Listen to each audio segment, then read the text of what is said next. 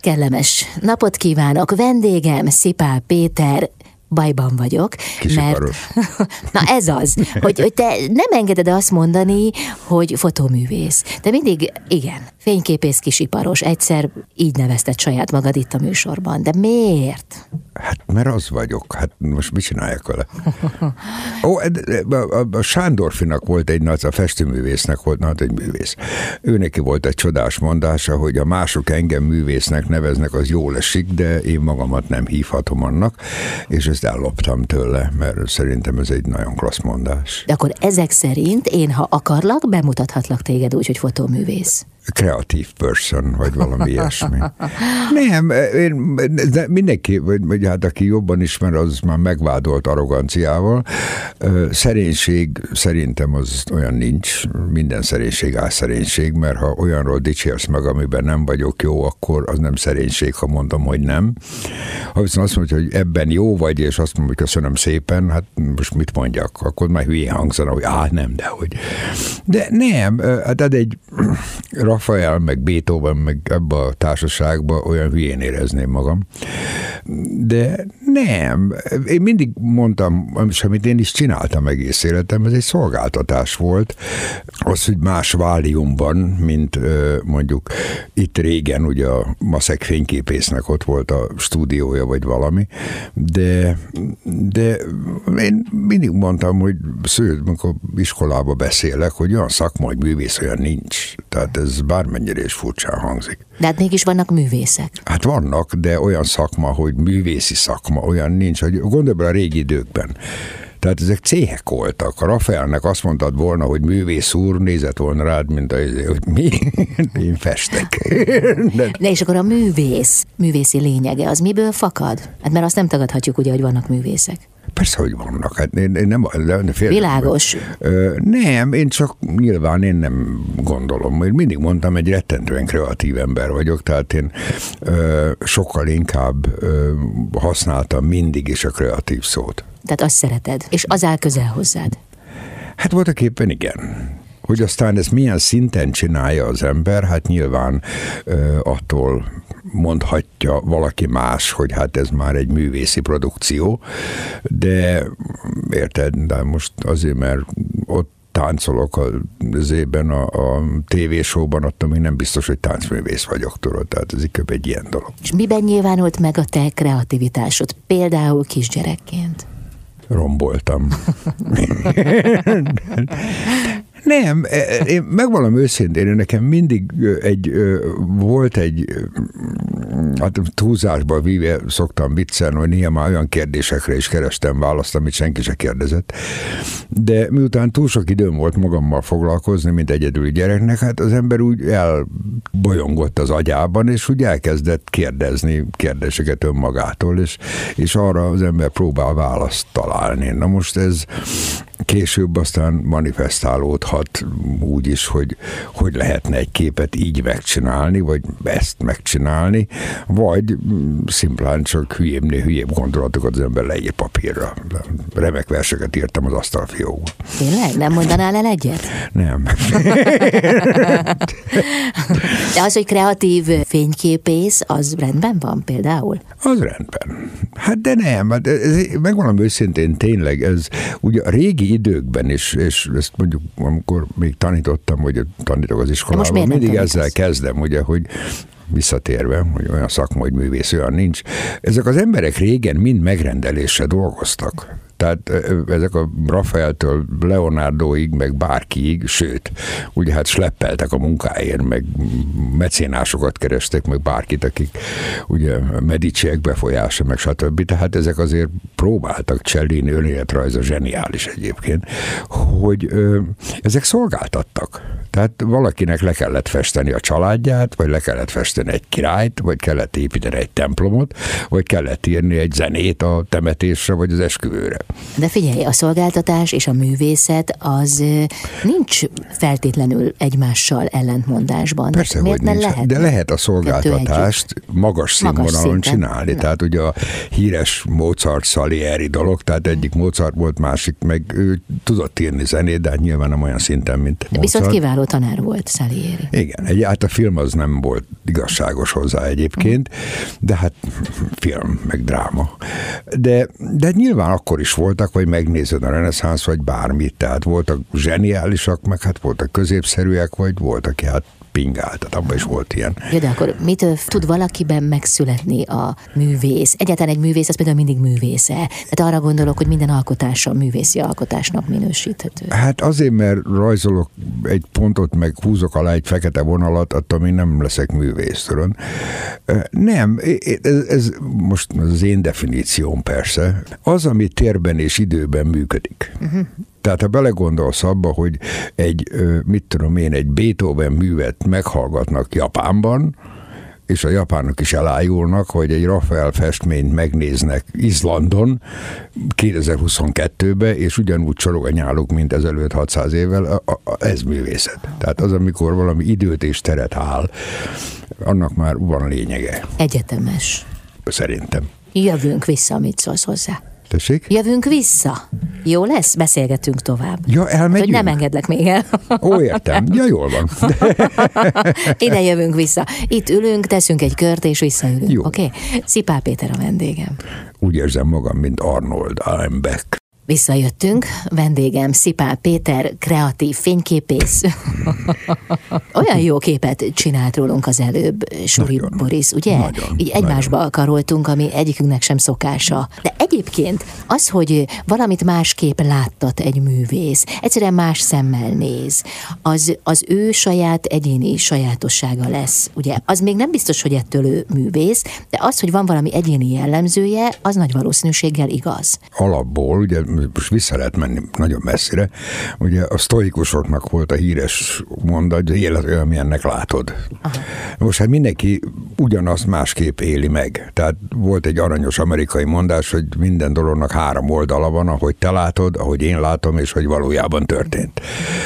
De ez azért vicces, mert egyszer egy ilyen, hát mindegy, ilyen mindenféle egyéb ötletektől föltüzelve, vagy dolgoktól föltüzelve hosszasan beszélgettünk, és én ugye előjöttem egy ilyen ötlettel, hogy nyilvánvaló, ha már a művészeknél tartunk, hogy ilyen túlzottan kreatív embereknél, hogy nyilván azért mondják rájuk, hogy bolondok, mert tényleg egészen más a percepciójuk, mint egy normális embernek. Tehát a legtöbb embernek a pohár az pohár, a stb. stb. bármi. Egy kicsikét kreatívabb embernek ugyanaz a párhangja egy egész más összeállításban fog megjelenni az agyában. Én is magamról beszélve, tehát elmegyek valahova, és elkezdek harsányan röhögni valamit, és megkérdezem, mit röhögsz? Mondom, nézd már, mi van ott, mondja, egy fa. Jó van, hogy nem akarok beszélni róla. Én, és tehát egészen másképpen asszociál némely embereknek az agya. És hát ezeket, ha meg tudod valósítani, akkor tényleg elfogadhatod ezt a művész szót, vagy valamit, és ugye hát erre mondták. Aztán mindezt a hosszú agymenést kitaláltam, és öt évvel később elolvastam egy szakembernek a írását, ilyen lélektani szakember volt, aki azt mondta, ugye, hogy hát voltak éppen az a túlzott kreativitás, a skizofréniának az egyik génye. Na mondom, de jó, már megint föltaláltam valamit. De egyébként tényleg, tehát belegondolunk, valószínűleg azért ezek a túlzottan kreatív emberek eléggé szétszórtak, meg úgy nem fittolnak bele a normál élet teóriába, meg bármiben, meg ugye a, a fontosság, meg a, a dolog az úgy más szinten van náluk. Te ilyen vagy? Én szerintem a világbolondé normális vagyok, de már többen megvádoltak ezzel. Nem. Nyilvánvalóan, amikor az emberre ráfogják, hogy borzalmasan excentrikus meg egyebek, az nem azért van, mert én az akarok lenni, hanem, hogy mondjam, én csak így csinálok dolgokat, és nem azért, mert én ki akarok lógni a sorból, vagy valami, tehát semmi ezért nem volt benne, de szakmailag is meg volt. Tehát amikor mindenki ilyet csinált, akkor az ellenkezőjét csináltam, és nem dafke volt, volt, vagy most én világot akarok váltani, vagy bármi, hanem csak úgy másképp láttam. Uh-huh. Amikor megérkeztél, akkor ugye szokás szerint csináltunk egy fotót a falnál, uh-huh. de te azt mondtad, hogy te oda lefeküdnél a kanapéra, mondjuk ott lehetne egy fotót készíteni róla, tehát nem konszolidáltan odaállni szépen a falhoz, hanem uh-huh. elheverni a kanapén. Ez most csak úgy eszembe jutott. Ez csak egy hülye volt. nem kell túl gondolni. De egyébként szétszórt vagy? Tehát az összes többi tulajdonság, amit mondtál, amit te a művészekhez társítasz, az igaz rád? Ó, hát néz, legtöbb ember, néha jó magam is az ember exkluzokat talál, hogy voltak éppen azért vagyok hülye, mert nem, én trehány vagyok, nem vagyok szétszórni. Nem, nem, csak arra mondom, hogy nekem a prioritásaim másak, ami azt nem jelenti azt, hogy szoktam viccelni, hogy hozzám képes még Bismarck is liberális volt. Nem, csak nekem mások a prioritásaim, tehát ez fontos, az fontos. Én rengeteget például ugye feláldoztam annak érdekében, hogy azt csinálhassam, amit csinálok. Mit? Magánélettől kezdve sok mindenig. Tehát, és nem, ez nem negatív, ez pozitív uh-huh. volt, tehát én nem bántam meg, nem, így volt, szerintem így volt jó. De rengeteg olyan dolgot csináltam az életben, ami, hogy mondjam, tehát például szakmailag is, hogy egyszer kitaláltam, hogy akkor most én ezt akarom csinálni, és akkor mindenki megkérdezte, hogy te hülye vagy, ez jól megy, miért akarsz váltani? Én mondom, nem unom, csak kíváncsi hogy az milyen lesz. Uh-huh és szakmán belül meg azon kívül is. De ez visszamegy megint erre, hogy ez a mániákus keresés, ha valamit keresek, nem tudom, hogy mi, de majd tudom, ha látom. és legtöbb hasonszőrű barátom ilyen. Tehát az ember úgy, úgy maga köré gyűjt nyilván ugyanilyen félbolondokat. És de voltak köztük filmrendezők, meg írók, meg fotósok, meg festők, meg mindenféle, és mindannyiunkban ugyanez a káosz van a fejünkben, de hát aztán ilyen. De a káosz az termékeny. Legjobb dolog a világon. Sajnálom mondom, nem ért mindenki velem együtt, főleg a takarítás terén, de engem nem zavar. Na jó, az egy más terület, az egy más dimenzió, azt hagyjuk is. Jövünk vissza, beszélünk a művészetről. Szipán Szipál Péter, fotóművész a vendégen. Azon gondolkoztam, hogy neked nem csak édesapád, Szipál Márton volt uh-huh. fotóművész, hanem a te nagypapád is, uh-huh. Szipál Márton Károly, aki, ha jól tudom, akkor udvari fényképész volt. Igen, hát csinált gondolom egy képet valakinek abból a társaságból, azt gyorsan kapott egy címet, hát nem nem volt ez olyan nagy dolog, úgy? Érted? Hát jól nézett ki a névjegykártyán, az aha, biztos. Aha. De mit tudsz te róla? Ó, hát rengeteget, hát vele nőttem föl valahol. Egy furcsa ember volt, zseniális volt egyébként, tehát ő, hát ő, na, ő, ő rá, rá lehetne fogni, mert ő valóban elvégezte a Müncheni Akadémiát, Művészeti Akadémiát, ahol ugye ők megtanul, ott abban az időben, hát ez még a 19. század vége felé volt, tehát olyan 1900 valamikor, illetve a 20. század nagyon eleje azt hiszem 81-ben, vagy valamikor született, és ott a fotózás az egy ilyen referencia dolog volt, tehát akkor nem gondoltak sokat erről, és ugye, hogy a festők, vagy szobrász, vagy bármi akartál lenni, akkor nem árt, hogyha le tudod fényképezni azt, amit akarsz. És hát az öreg ugye úgy döntött, hogy mégiscsak fényképész lett. És ö, nem volt valami állami megrendelés, és ennek kapcsán kapta a titulust annó. Hát. Uh-huh. De az, hogy ö, hát ugyanakkor ilyen portrégat, meg minden gyebeket csinált, és zseniális volt az öreg. Tehát nem úgy, nekem van egy albumom tőle, ami duplán speciális, mert azt a orosz hadifogságba csinálta. Uh-huh mindig mondta, hogy azért jó fotósnak lenni, mert jéghátán is megélsz, és ez az album volt a példa, mert jókat röhögtünk tényleg, mert ugye Szibériában voltak, és hát az öreg az ott úgy élt, mint egy gróf, mert ugye az összes akkor még cári tisztek, mert mindenkinek kellett egy jó fénykép alapon, de, és hát nyilván kicsikét olyan kiváltságosabb helyzete volt, mint a többieknek. Aztán Mancsúrián keresztül hazasétált, de, de ez is egy ilyen kalandos történet volt. Egyszer elmesélte, de már nem sokra emlékszem belőle. És milyen képei voltak? Ugye a nagypapád? Ó, ne, ilyen portréfotó, rendes standard portréfotós volt, ugye hát, és vidéken, tehát ő először azt hiszem helyen, vagy Sárospatakon nyitott egy boltot, aztán, vagy Kemecsén, ami nagyon vicces, mert az anyám lánykori neve meg Kemecse Judit volt. Tehát uh-huh. vannak ilyen furi dolgok a családban, amikor teljesen összeegyezhetőnek és aztán végén Szolnok lett, és akkor ott volt egy, és aztán átmentek Debrecenbe, és hát én ott születtem. Meg hát nála voltam tanuló, meg hát unoka oda jártunk fel állandóan. Uh-huh. Érzékelsz-e valami hasonló látásmódot ebben a generációban? Tehát a nagypapád, édesapád és közted? Én valami őszintén sokan megvádolnak ezzel, és nem akarok tényleg erre úgy belemenni, de én mondjuk nekem apám az elment, elvált anyámtól, amikor három éves voltam, aztán elment Amerikába, és én 26 éves koromban láttam először úgy, hogy amikor én kimentem. Tehát amikor ő hazajött, azt hiszem háromszor vagy négyszer volt itthon. Nem járt ő mindig haza, tehát ez egy ilyen mellébeszélés volt. De lényeg az, hogy hát ugye nyilván az más, vagy hétre jött, hát jó van de sok befolyás nem volt nekem ebből. Nagyapámnál sem volt, mert, mert csak úgy hát hallgattuk az öreget, úgy mondta magáét, legtöbbször azért, mert fizettek nekünk érte valahol, hogy kössük le egy kicsit, mert egyébként elég diktatórikus volt az öreg. Én voltam az egyetlen ok, aki tegezte egyébként, mindenki magázta.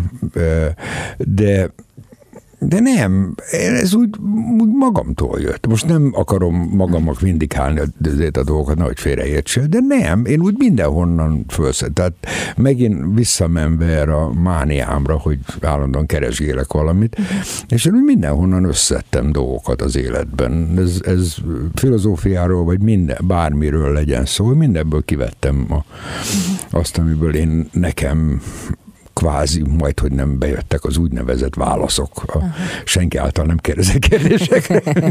De lehet, hogy ez bennük is ott volt, nem? Ez a, ez a kereső nem, nem vágy. kérdeztem tőlük. Nem? És most hogy látod, most, hogy én megkérdezem tőled? Nem tudom. Hogy ez például közös lehet-e benned?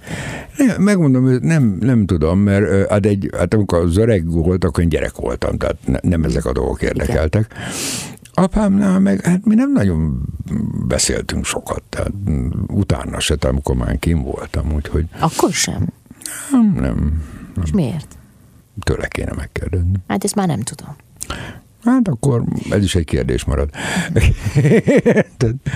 ne, ez nem, nem negatív, vagy nem. Hát ugye a másik az volt, hogy bármennyire is az olyan furcsán hangzik, tehát én nem az első, azt hiszem év, másfél évben mi dolgoztunk együtt, illetve hát magyarán ő dolgozott, én meg kvázi asszisztáltam, meg Lönder Ops, mondják az amerikaiak, és, de aztán utána én elmentem, nyitottam egy saját stúdiót, és voltak éppen, hát most komikusan hangzik, de majd mi ugyanazt csináltuk két különböző helyen, és hát abban meg ritkán fér bele a nagy lelkezés, úgyhogy uh-huh. meg az ilyen szakmai dolgok. Uh-huh.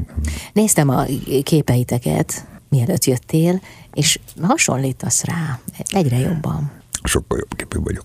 Na jól van. Nem, ez tényleg, tehát, meg hát nyilvánvalóan van egy olyan is, hogy és ez nem tudatos volt, meg nem is az a tipikus, ugye a Freudi szülői apa-fiú vagy anya-lánya konfliktus, meg sose volt ilyen, hanem nem, hanem inkább az, hogy nekem nyilván más kép kellett csinálni, meg mást kellett csinálni, és tök meglepettem, amikor ezt már szakmailag is észrevették, tehát még mondták, hogy nem, egész más, és ugyanolyan jó úgy, hogy jövünk hozzád, mondtam, köszönöm. Tehát mondom, nekem úgy mindenhonnan jöttek befolyások, és én próbáltam valahogy úgy bóklászni köztük, hogy melyik lenne, ami úgy nekem megfelel. És miért kellett neked nagyon másnak lenni, mint ő? Nem másnak, szakmailag. Tehát Igen. nyilvánvalóan két ugyanolyan az nem eladható, Aha. tehát nincs értelme. Meg ugye hát én más irányba is indultam el szakmailag, úgyhogy... De azért, hogy különböz tőle? Nem. Nem, ennek semmi köze nem volt hozzá. Hát nyilván az ember bármennyire is, ez most megint nem arrogancia, de hát bármennyire is az ember elindul a saját útján, akkor nem másolni akar valamit. Uh-huh. Tehát engem mindig zavart ez, hogy úgy, úgy leszünk sikeresek, hogy másolunk valakit. Tehát nem. Tehát tudod, a magyar Celine Dion, tehát érted? nem kritika, nehogy félreértsél, csak egy rossz hozzáállás szerintem, tehát ha az ember már elkezd valamit csinálni, akkor próbáljon egyedit csinálni, ami rá jellemző. De ez nem lehet, hogy az elején egy picit másol innen-onnan, hogy aztán rátaláljon saját magára? Ez nem lehet egy út? Hát így kezdi mindenki, tehát Aha. festők is úgy Igen. tanulnak, hogy mindenki mást imitál, illetve másolnak festményeket, és abból kiszedik. Ez tök normális, mert nyilván ez ugyanaz, mint a, a, az életben, ahogy végigmegyünk, tehát rengeteg befolyást kapunk szülőktől, tanároktól, barátoktól, munkahelyi kapcsolatokból, katonaság, tök mindegy. És az úgy kikristályosdik az ember fejében, és mindegyikből ki lehet venni valami jót. Tehát ugye én mindig hittem, hogy mindenkitől lehet tanulni. Mondom, ez nem egy tudatos dolog volt nálam, tehát most mindenki most esetleg félreértik az emberek. Nem, csak én nekem az, bármennyire is az nagyon jó volt, és én nem azt mondtam, hogy én annál jobbat tudok csinálni, hanem én ezt másképp tudom csinálni, mert én is bizonyos fokig másképp látok dolgokat. Uh-huh. Nem jobb vagy rosszabb, csak más. Úgyhogy... Különbözni jó. Jó különbözni? Jó. Hát miért lenne jó? Jövünk is vissza. Szipál Péterre. Szipál Péter, fotoművész a vendégem. Hát mi a baj? Semmi, nem Tudom ám, tudom ám. Mm, betrükközted, na jó. Hagyjuk. Szépen fű alatt. Uh-huh. Na, feketébe és sárgába öltöztél. De szereted a kontrasztokat?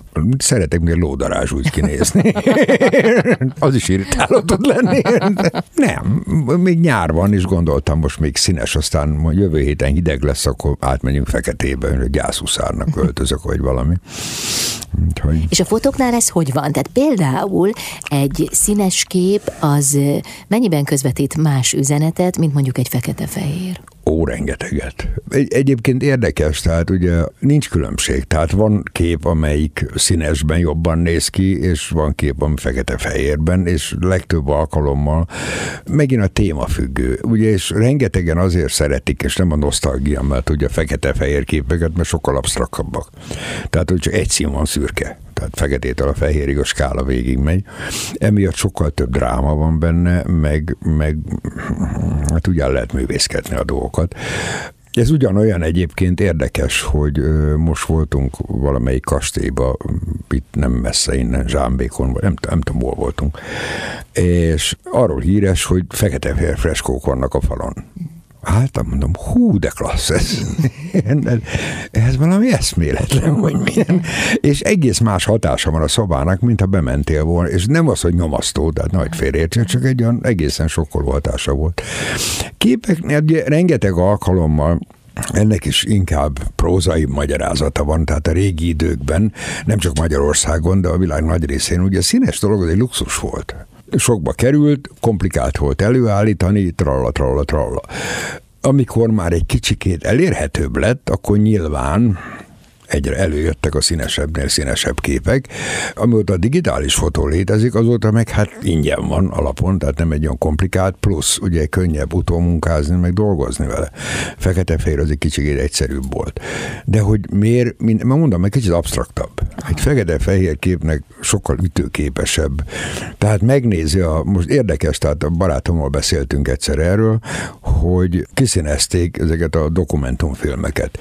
És ugyanaz a képkocka sorozat, fekete-fehérben, második világháborús dokumentumrész, és ugyanaz színesben. És leült, és ledöbbentél, hogy Jézus Isten, egész más a mondani valója, egész más minden a dolognak. Színes egy kicsikét megkönnyíti a dolgokat, tehát nem annyira, az, pedig érdekes, tehát ott csúnya dolgok színesben még csúnyábbak. De érdekes módon úgy, úgy, úgy ja, hát nem is a rossz. Uh-huh. De ugyanaz a footage utána megnézted fekete-fehérbe, hogy Jézus Isten. Tehát ez az egyik. A másik meg hát nyilvánvalóan rengeteg szakmai résznél szükség van a színekre. Tehát most itt ülnék fekete-fehérben, ez a sárga zakó, ez fehérnek tűnne, az ennyi.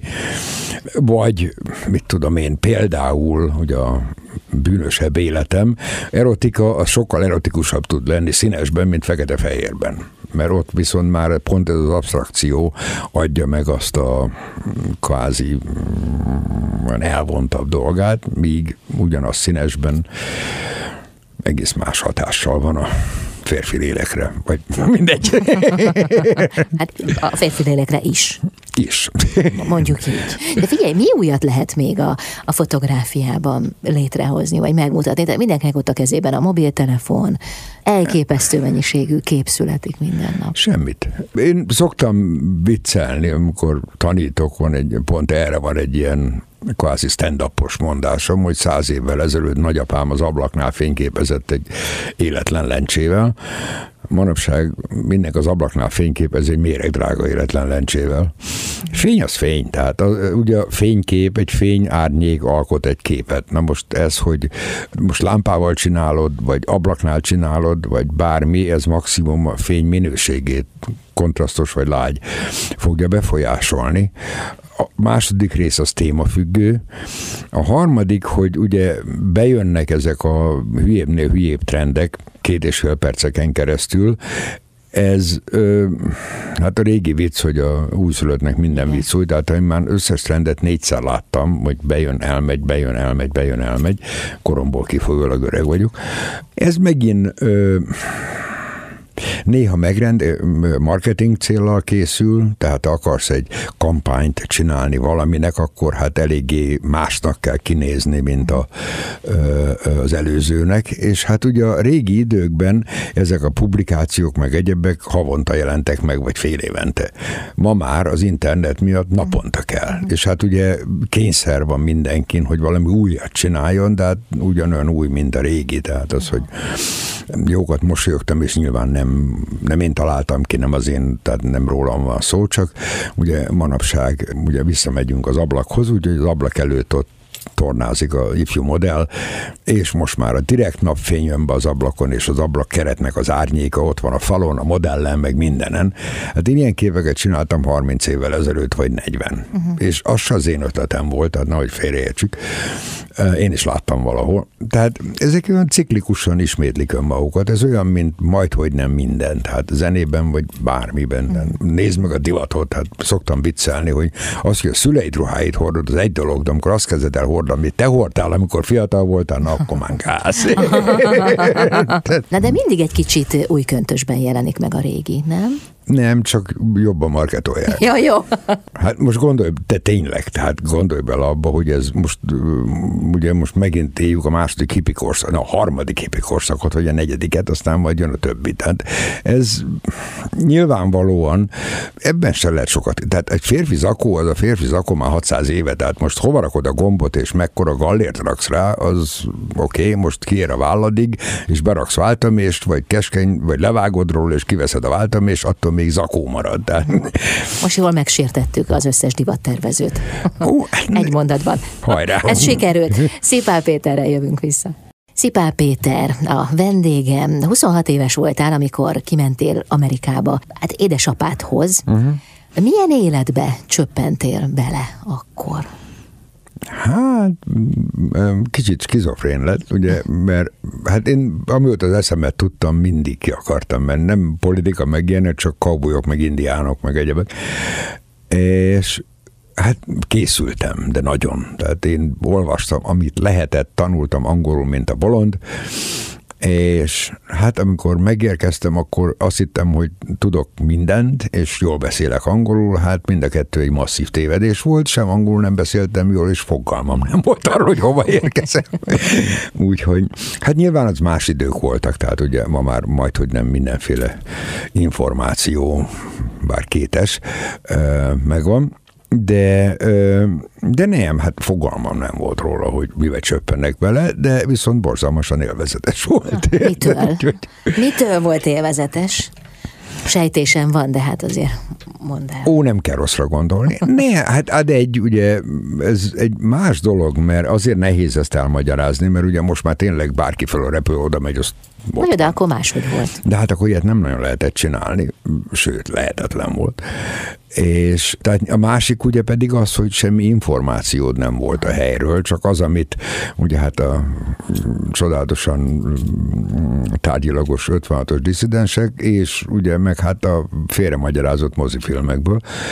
De nem, hát hogy mondjam, hát az ember bemegy a játékboltba, tehát tényleg ez olyan volt, mert amit én mind szerettem gyerekkorom óta, most tipikus fiúgyerek vagyok, tehát autókat, meg ilyen hülyeségeket, meg fotós voltam, tehát ez benne volt, hogy abban részébe estem bele a szakmának, ahol mondjuk ezt gyártják, de tényleg, tehát az, ami úgy, úgy meglepett, és ez, ez nehéz elmagyarázni, úgy valaki ma megértse 50 év távlatából, hogy mit tudom én, én megvettem egy hanglemezt, amit a, mit tudom én, valahol fekete piacon, vagy ugye apám elküldte nekem, és akkor ott vagyok kint két hete vagy három, és ott ülök a zenésszel egy asztalnál, akinek a hangmegezén csorgott a nyálam. ez olyan, olyan, olyan szürreálisan furcsa volt.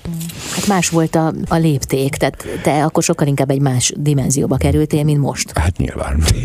de, ne, de ez tényleg azért volt, mert mondom, tehát az, amiről ugye az érdekes módon, tehát amiről a gyerekkoromból úgy álmodoztam, hogy mi lenne, ha, az ott úgy hirtelen ott volt, és kézzelfoghatóan, elérhetően, meg volt a maga varázsa nyilvánvalóan, de, de valóság volt, tehát az tényleg ott volt ott meg lehetett fogni. Tehát az, amikor nyilván fiataloknak ez nem jelent semmit, de hát ugye gyerekkorunkban voltunk a hat, nem több, 9-10 évesek, és akkor képesek voltunk kimenni a Margit-szigeti Grancálóhoz, mert ott parkolt egy 58-as Chevy, és akkor kimentünk megnézni, hogy milyen szép. De ez mind olyan, olyan, olyan úgy, úgy egyszerre megjött, meg, meg hát tényleg, hát mondom, ezt más szemmel kell nézni, mert ugye hát más idők jártak uh-huh. akkor, meg minden. És akkor mi történt ott veled? Tehát hogyan kezdted el felépíteni a, a karrieredet? Mennyi tudatosság volt benned?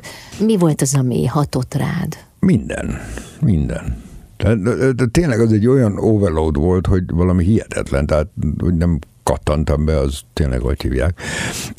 Nem. De egy ilyen vad élet volt? Ne, nem vad, kellemes. Hát az lehet, hogy vad. tudom. Hát attól függ ki, ki hogy áll hozzá, tudod.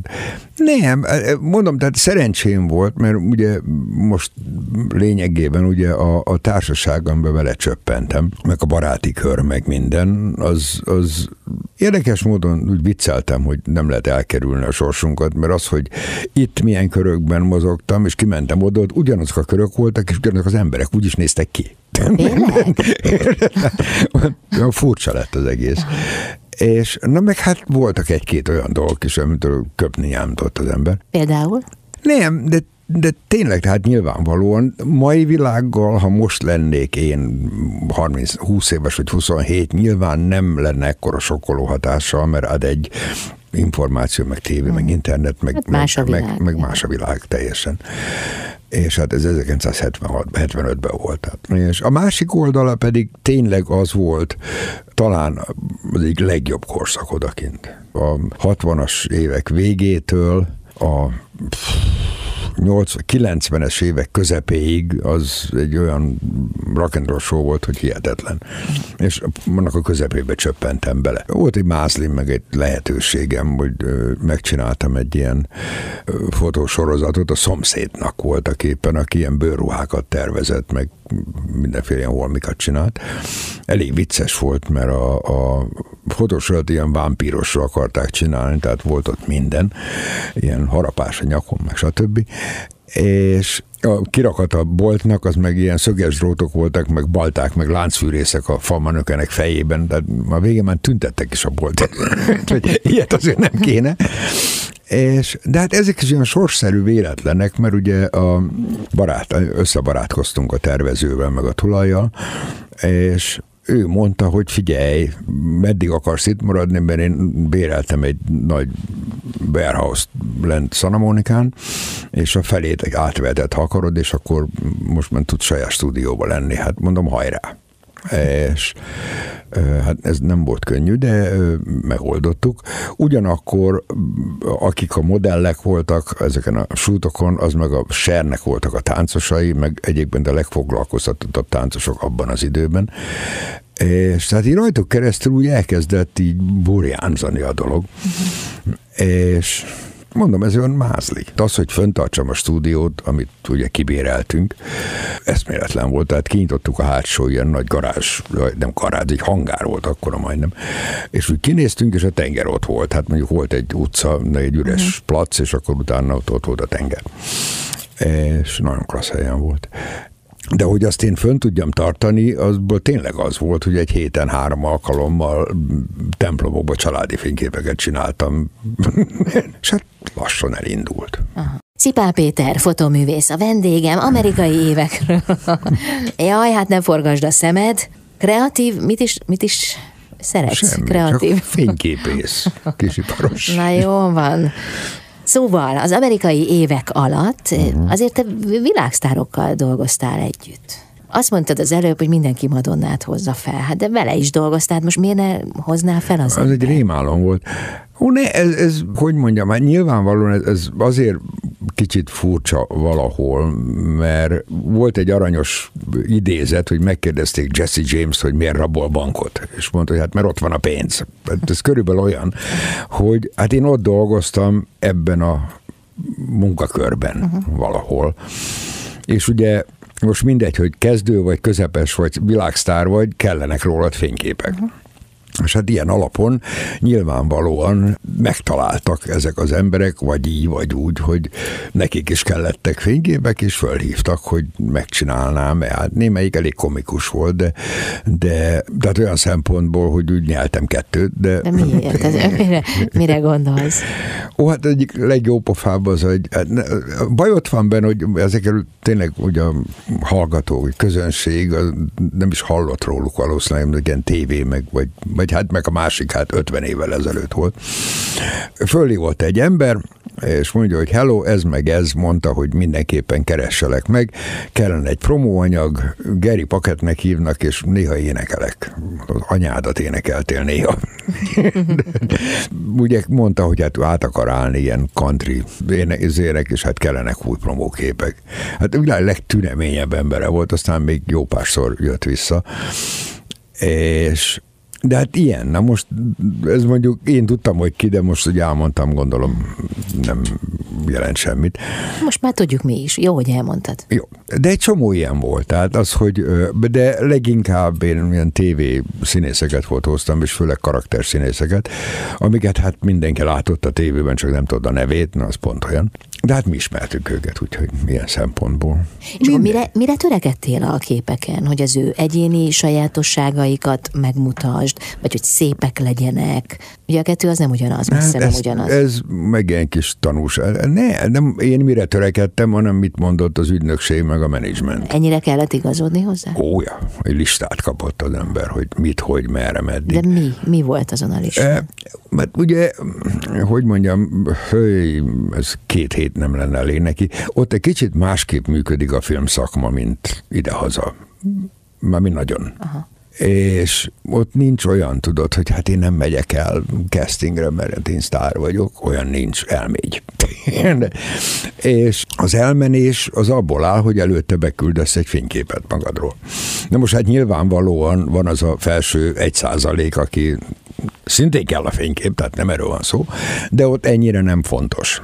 De a középső kaszt az ugye úgy működik, hogy mit tudom én, castingolnak egy filmet egy bizonyos témában. Most mit tudom én, egy háborús filmet Hát akkor egy olyan stílusú, vagy egy olyan képet kell beküldeni, ami úgy valahogy passzol a film témájához, és ezért ugye, hogyha fotóztuk ezeket az embereket, akkor egy egész kasztumparádé volt róluk, tehát voltak ilyen karakterügynökségek. Azokat imádtam csinálni, mert az, az tényleg jó volt, mert ott ugyanúgy csináltál ilyen karakterképeket, mintha filmet forgattál volna, úgy vélet bevilágítani, meg minden biciklacak.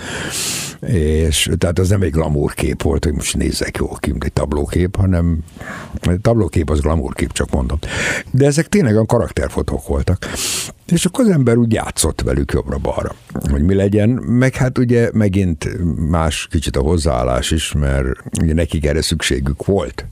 Tehát primadonnáskodáshoz hál' Istennek tényleg egy van, általában mindenki előhozza az énekesnőt, de egyetlen egy emberrel nem volt problémám. Mm. Soha Egy, egy volt, egy, egy. Az kicsit szomorú, de hogy hívják, az egy, és egy magyar hölgy volt, aki stand-up komikus volt, és vakon született, és közölt, hogy nem tetszenek a képeim. Mondtam, jó, akkor visszaadom a pénzt. De, De hogy akkor többségében végül is profik hát, jöttek hozzád? Hát csak azok jöttek. Csak azok, csak azok jöttek. Akkor te végül is nem értesz egyet ezzel az idealisztikus elképzeléssel, hogy a, a fotóművész vagy a fényképész az művészi ambíciókat tud megvalósítani, hanem sokkal inkább van szüksége rugalmasságra, igazodó képességre, alkalmazkodásra, és arra, hogy azt mutassa meg, amit a vevő kér. Hát itt nem egyedül dolgozom. Tehát még ha egy festő is lennék, és ha tudnék rajzolni, mert mindig, mindig mondták, hogy a fotósok festők szeretnék, csak nem tudnak festeni, és az igaz, de hát akkor sokkal jobban érezném magam, mert ülnék egy, hogy hívjákban, egy gyönyörű szép műteremben, és ottan festenék képeket. Itt egy emberrel dolgozol, mondjuk a portré szakmában. Tehát anna is oda kell figyelni, meg sok minden másra, meg megint, tehát itt, itt volt egy megrendelés és egy elvárás. Na most az, hogy a megrendelés, elvárás egy kicsikét nem magasabb, hanem más szinten, mint egy tablókép vagy egy sima portré, az csak élvezetessé tette a dolgot számomra, de ez is egy szakmai dolog volt. Tehát meg kellett tudni úgy valósítani, hogy az olyan legyen, amilyet kértek tőled. Egy, kettő, meg hát utána jött az, hogy valakinek nyilvánvalóan a lelki dolgaival foglalkozni kell, dirigálni kell, mint egy filmrendező, mert el is várták tőled, még akkor is a rettentően kooperatívak voltak. Mondom, ez egy olyan, olyan szakmai dolog volt, és, de érdekes, tehát azért is visszamegy, de egy csomó dologban néha még nem állt, állt az agyam, pedig már itt vagyok 16 éve. A Hollywood az nem hívja magát filmművészetnek, hanem a gyár, meg az industry, ipar, meg a gyár. Gyártanak dolgokat, csak úgy, mint például Porsche tehát meggyártja a világ legjobb autóját, és már 50 éve ugyanazt csinálja egyre jobban. Tehát ez egy ilyen furi hozzáállás, mert ahhoz is rengeteg tehetség kell, most nem magamról beszélek, hanem róluk, hogy megcsinálni valamit úgy, ahogy azt úgy valaki elképzelte a fejében, és aztán nekem elmondja, és én azt megvalósítom, amit ő elgondolt, belerakva az én valamimet. Uh-huh. És itt jött elő a stílus. Aha. Tehát van egy stílusod, és én mindig mondtam, hogy annál klasszabb érzés a világon nincs, amikor egy vadidegen ember ránéz a képedre, és megmondja, hogy te csináltad. Tehát az, az, akkor az ember olvad kívül belül. Körülbelül ennyi. Sokszor olvadtál? Hál' Isten. Szerintelenség nélkül mondom, hogy hál' Istennek igen. Rengeteg barátságot, meg személyes dolgot köszönhetek annak, hogy valakinek tetszett az, amit én csináltam. Uh-huh. Köszönöm szépen, Péter. Jövünk vissza Jó. Szipál Péterre. Szipál Péter fotóművész, a vendégem, az amerikai évekről beszélgetünk, hát évtizedekről. Igen. Mennyi 32 volt? év. 32 év. Uh-huh. Áruld el nekem, hogy Amerikában az emberek jellemzően szépek akartak lenni, vagy egyféle szépségideálhoz próbáltak meg hasonlítani? Akkor is? Vagy, vagy akkor így volt ez? Mivel találkoztál? Ó, hát nézd, hát ez univerzális, tehát mindenki szépnek akar De kinézni, miért akarok tehát... szépek lenni, most áruld el nekem? Hát, mert ilyen a természet ilyen, hát nézd meg a madarakat, meg mindent, hát mindenki gyönyörű tollakkal, meg színes tollakkal, meg mit tudom én érted. Na de mi a szépség? Szóval nekem néha az az érzésem, hogy a szépség unalmas. Hát a Dürer mondta, hogy a szépség, mi a szépség, már rég nem tudom, de nem, nem a szépség, mert ugye érdekes, tehát ugye minden több évszázadokon keresztül a szépség ideál az mindig más volt. Tehát függetlenül attól, hogy ha megnézed, hogy a régi ábrázolásokat, ugye az első szobor az a Vénusz szobor, ami ilyen kerek, meg ekkora cicéi vannak, meg minden. Ugye Ez a, a Willendorfi Vénusz. Igen, Willendorfi Vénusz. És a görögök sokkal inkább fiús lányokat szerettek, hát a rómaiak ugye kettő között, de hát az, hogy kismell, nagymell, vékonynő, kövér, ez úgy mindig változott. Ami most van, az abszurd. Tehát az, az Mire gondolsz? A, mindenre. Tehát mindenre. De mire mégis? Hát elsősorban ezek a túlzásba vitt plastikai dolgok, egy, kettő, ez a rettenetes fogyásmánia, harmadik, meg, tehát van egy-két jó irányzat is abban, amikor némely cég próbálja tolni azt, hogy minden nő szép a maga formájában, tehát ez egy marhaság, hogy mindenki, és ugye a Facebook, meg TikTok, meg Instagram. Tehát, mindenki tolja föl magát, és megszületnek a klónok a klónjai Igen. lassan. É, abszolút, mindenki egyforma. És ez nem szépségideál. És manapság nincs stílus tehát az kiment a divatból. Vannak tájékozatlan influencerek, még tájékozatlanabb stylistok, meg mindenki belerakja a két centjét ebbe a katyvaszba, és hát egy átlag ember, vagy átlag fiatal lány, az meg van kavarodva, mert azt hiszi, hogy vagy nyakig föltetoválva, vagy kilapított lapos hajjal, vagy 20 kilóval bakancsal. Tehát a nagyapámnak volt egy aranyos mondás, hogy mindenki egy hajszányival fiatalabbnak és mm, szebbnek akar látszani, de csak egy kicsivel, nem sokkal, csak egy kicsivel. Az megint más, ugye, hogy a mobiltelefonok filterjei azok már úgy kiszépítenek, hogy hihetetlen. De automatikusan rajta van. Egy, kettő, meg ugye az egy nagy látószögű lencs, ami keskenyít. Tehát ugye egy telefotó az kicsit megkövérít, ez meg kicsit összehúzza az arcodat, meg minden. Érdekessége az, hogy én mindig ezen röhögtem, ugye, hogy mindenki egyéniség akar lenni, és ugyanabban a ruhába járunk. Meg ugyanolyan hajunk van, meg ugyanolyan cipő van rajtunk. De én egyéniség vagyok. Ez elment, amikor a Melrose-on, az egy utca Los Angelesben, pankorszak közepén 200 ember jön velem szembe, ugyanúgy üzével, tarajos frizurával, ziherejsztűvel az orrukban, meg Martens bakancsban. Na mondom, Jó kitaláltátok. És Amerikában a sztárok nagyon különböztek akkoriban a, a hétköznapi emberektől? Tehát ne. a sztárkultusz, nem? Ez promóció, meg propaganda. De tényleg, tehát ez, ez ugye ezt érdekes módon, hát ugye a, a, egy nagyon híres magyar ember találta ki, az Adolf Cukor, aki a Paramountnak volt a megalapítója, és ő találta fel a sztárkultuszt és azért vannak a csillagok a Peremannak a logóján, az a, akkor 26 vagy mennyien sztárja volt neki. Ami tényleg abból állt, hogy ő rájött arra, hogy nem a író, meg nem a rendező a, érdekli a mozinézőket, hanem a filmsztár, aki játsza a szerepet. És akkor elkezdték ezeket a műdolgokat, amik hát nyilván a bulvárnak a kezdete volt manapság. Tehát akkor is voltak műbalhék, akkor is voltak olyan dolgok, amiket direkt csináltak, csak hogy írjanak róluk, etc. etc. Na azokban, és innen jött a glamour szó voltak éppen, azokban túltolták ezt, és akkor az túl volt tolva mindenben. Tehát mindenki gyönyörű szép volt, ugye a Kingsnek van egy a Celluloid Heroes, egy ilyen legjobb sláger erről, hogy mindenki ilyen varázslattá válik, de hát közben meg nem vagy az. Na de meddig, meddig mész el a, a, a szépség fokozásában? Tehát egy, szín... Nem, meglátni a szépet. Ja, meglátni Tehát szép. én, én, én megvalom, én sosem voltam hív a túlretusálásnak, meg, uh-huh. meg bezé, a Photoshopnak az összes trükkében, hogy most uh, highlightokat rakjunk csík arcbónokra, meg, meg túlsminkelt, meg ilyenek. Uh-huh. Nem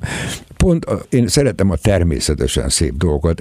De Emlék... mi a szép? Mi a szép? Hát ami neked az. Hát, hát szub... na, ez, ez rettentően szubjektív. Van, aki a pókokat szépnek találja, én még képen sem bírom nézni őket, tehát a hideg rémálmaim vannak tőlük. Akkor jó, hogy nem vettük elő a műpókunkat itt a rádióban, és a hátunk mögé nem függesztettük nem, fel. Nem élveztem volna, nem, nem, nem.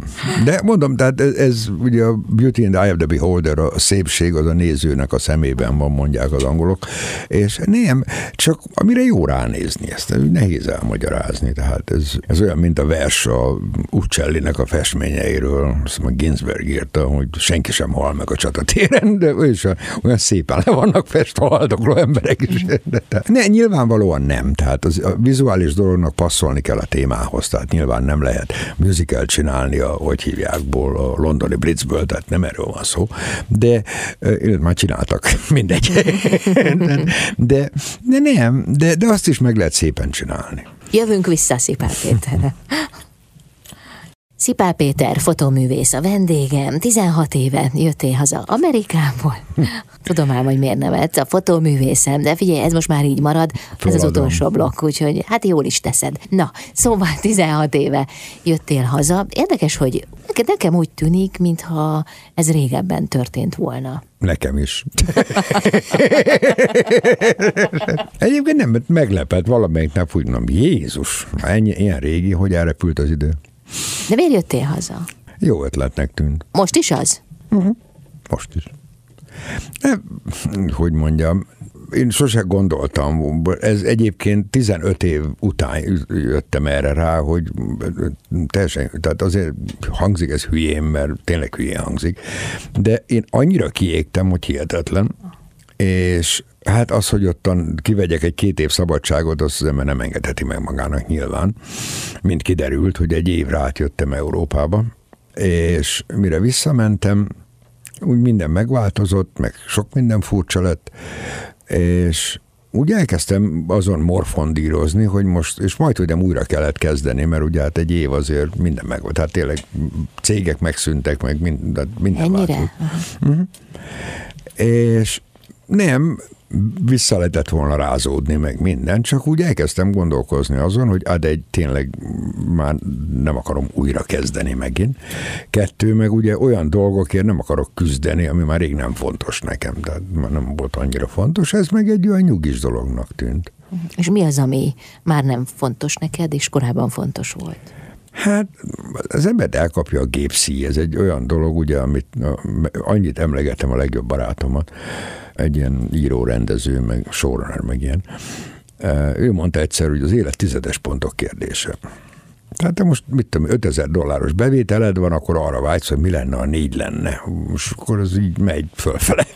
Én most végre vettem magamnak egy nagyon aranyos kis japán autót, és akkor utána már akarok venni egy BMW-t, amikor az megvan, akkor dolgozok többet egy kicsit, kicsit több a keresetem, akkor ma veszek egy Mercedes-t, és aztán így megy fölfele, mert az ember ilyen. Egyébként ez egy jó dolog, tehát ez mindenki félreérti, hogy ez motiválja az embereket, na most én csak autókat mondtam, de, de azért csinálunk valamit, hogy jobb legyen körülöttünk minden. Magunknak, szeretteinknek, meg a közösségnek. De akkor jól értem, hogy eredetileg egy évre jöttél haza, és aztán... Uh-huh. Aha végül is? Hát ne, nem, hát, kicsit kalandos volt, mert úgy volt, hogy Németországban megyek hát dolgozni egy évre, és ott meg bedőlt a cég. Mondom, ezek ilyen sorszerű véletlenek halmaza volt. És a cég bedőlt, és hát ott egy darabig, és hát ugye abban a bizniszben előre kell fizetni, tehát nincs az, hogy majd küldjük a számlát. És akkor hát ugye próbáltuk föntartani a céget egy fél évig körülbelül, és aztán már mindannyian úgy döntöttük, hogy ez feleslegesen nincs értelme. És akkor én augusztusban hazajöttem, ez volt 2004 augusztusban, és akkor hazajöttem májusig. És akkor itt tébláboltam voltak éppen, és akkor visszamentem. És ott volt ez, hogy ott is ilyen, ugyanilyen hülyeségek történtek, mint a minden úgy akarná, hogy nem maradjak ott, tehát tényleg. Meg aztán gondoltam, elég volt. És elég volt? Elég. Érdekes módon én voltam az első, az előbb említett legjobb barátom, aki egy nagyon sikeres filmrendező, meg tévérendező, meg most visszaköltözött Indiánába, és versenyautókat épít a garázsba. De, de akkor lehetséges, hogy az embernek szüksége van időről időre, vagy legalább egyszer az életében egy ilyen nagy fordulatra. Hát én már másodjára csináltam, egyszer oda meg vissza. Nem, az emberek ugye szoktam viccelni, hogy ugye hát nem, ez egy köztudott dolog. Los Angelesben mindig volt egy vicc, hogy ott a showbusinessben 25 év a szabadégosságot, tehát tovább vagy, akkor már nem kéne ott lenned. És pont a Krisz barátom majd néztük, már 30 éve itt vagyunk, már el kéne innen menni. már magunkat tudjuk. Nem, olyan, olyan furi, hogy miért, nem tudom. Fogalmam sincs. De akkor tényleg meg voltam győződve, hogy most jobb, ha eljövök. És a tudást, azt megpróbálod átadni a fiataloknak? Tanítasz? Mm, igen, igen. Hát ez olyan, azt hiszem az Arnoldnak, Schwarzeneggernek volt ez a nagyon jó kis mondás, hogyha van lehetőséget, hogy elmenj messzire és visszajössz, akkor add át a tudást, amit ott elértél, meg amit kaptál. Hát a barnák közönség, meg hallgatóság. Meg hát, ha valakit érdekel. És Én fog... imádok tanítani. Én tanár akartam lenni gyerekkoromban, tehát uh-huh. ugye ez történelem, meg ez hat történész, meg ilyenek. De én nagyon szeretek tanítani, meg legalább annyira élvezem, mint magát a fotózást. Úgyhogy... És fogékonyak rá? Hát már aki. Már aki. Már aki. Hát azért nehéz, mert ugye visszamentünk a kör elejére, úgyhogy azért nehéz, mert ugye ez egy szakma. Tehát ez, ez egy olyan dolog, hogy ha meg akarsz tanulni festeni, ott is tudni kell, hogy az olajfestékben melyik szint rakod alulra, és meg a tetejére. Ezek nem hülye szabályok, hanem így működik a dolog. Vagy mit tudom én, autóz, mindegy, bármi. Zongorán meg kell tanulni szolfés, bár volt egy-két raksztár, aki nem tudott kotát olvasni, és elég híresek lettek, úgy hívták, hogy a Beatles. De, de, de akkor is ezt meg kell tanulni. És hát legtöbb némelyik ember nyilván azt hiszi, hogy enélkül megúszza a dolgot, és hát vagy kicsit más, de, de nem, ez tényleg ugyanaz, mint érdekes módon, tehát, hogy a zenész akarsz lenni, akkor rengeteget kell gyakorolni, meg szolfés, meg minden olyan dolog, ami nem biztos, hogy ö, van olyan szórakoztató, mint kínálni a színpadon, és ottan teperni a gitárt. Ugyanez a grafikusokkal, festőkkel, vagy bármilyen kreatív szakmában, ennek vannak alapja, azt meg kell tanulni. Uh-huh. És hát ugye egy ilyen folyamatban nyilván mindenki egyből Peter Lindbergh akar lenni, meg David Bailey, hát ez nem megy olyan gyorsan, 20-30 év után sikerülhet.